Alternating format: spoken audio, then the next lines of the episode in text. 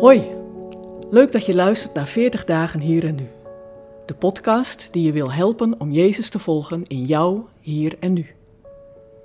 Vandaag is het woensdag 6 april. Het Pesachfeest zou qua voorbereiding niet Ingrid's favoriete feest zijn. Te veel haast. We lezen erover in Exodus 12, vers 14 tot 17. Maar Ingrid laat ook zien dat die haast een functie heeft die goed voor ons is. Hup hup, opschieten. Ik heb een hekel aan dat soort uitspraken. Ik hou niet van haasten. Ik wil rustig nadenken of ik alles bij me heb wat ik mee wil nemen.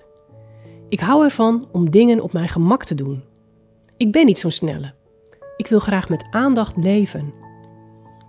Ook in het geloof. Niet meteen overal een mening over hebben. Rustig herkauwen op een Bijbeltekst.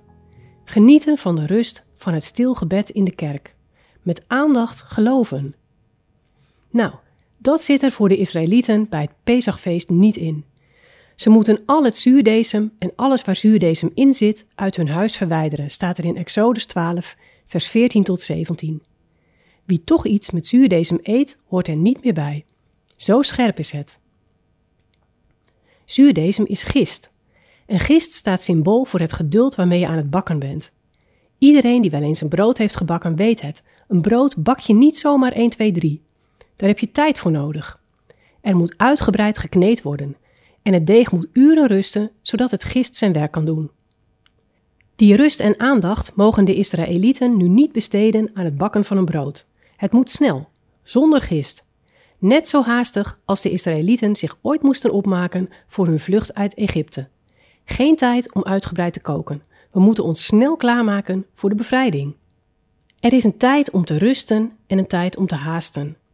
Een tijd om ontspannen af te wachten wat God geeft en een tijd om je haastig voor te bereiden op het bevrijdingsfeest. God ging Israël bevrijden uit de sleur en slavernij van het leven in Egypte. En daarom mochten ze niet gefocust blijven op dagelijkse bezigheden zoals met geduld brood bakken. God gaat ook ons bevrijden uit de sleur en slavernij waarin ons dagelijks leven ons gevangen kan houden. Dus laat je niet door je dagelijkse beslommeringen opslokken. Nu is niet de tijd om in alle rust je brood te bakken, je stoep te vegen, je verzekeringen af te sluiten, je nieuwe laptop te bestellen of je biceps te trainen. Nu is het tijd om op te ruimen, alles weg te doen wat jou in beslag neemt. Want als je opruimt, ontstaat er ruimte. Ruimte in je hoofd en in je leven.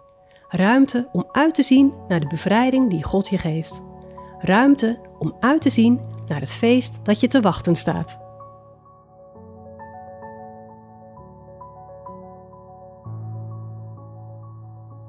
Wil je meer weten over deze podcastserie? Ga dan naar 40 dagenhierennu.nl. Voor de Bijbelteksten in deze podcast gebruiken we de NBV 21 van het Nederlands en Vlaams Bijbelgenootschap.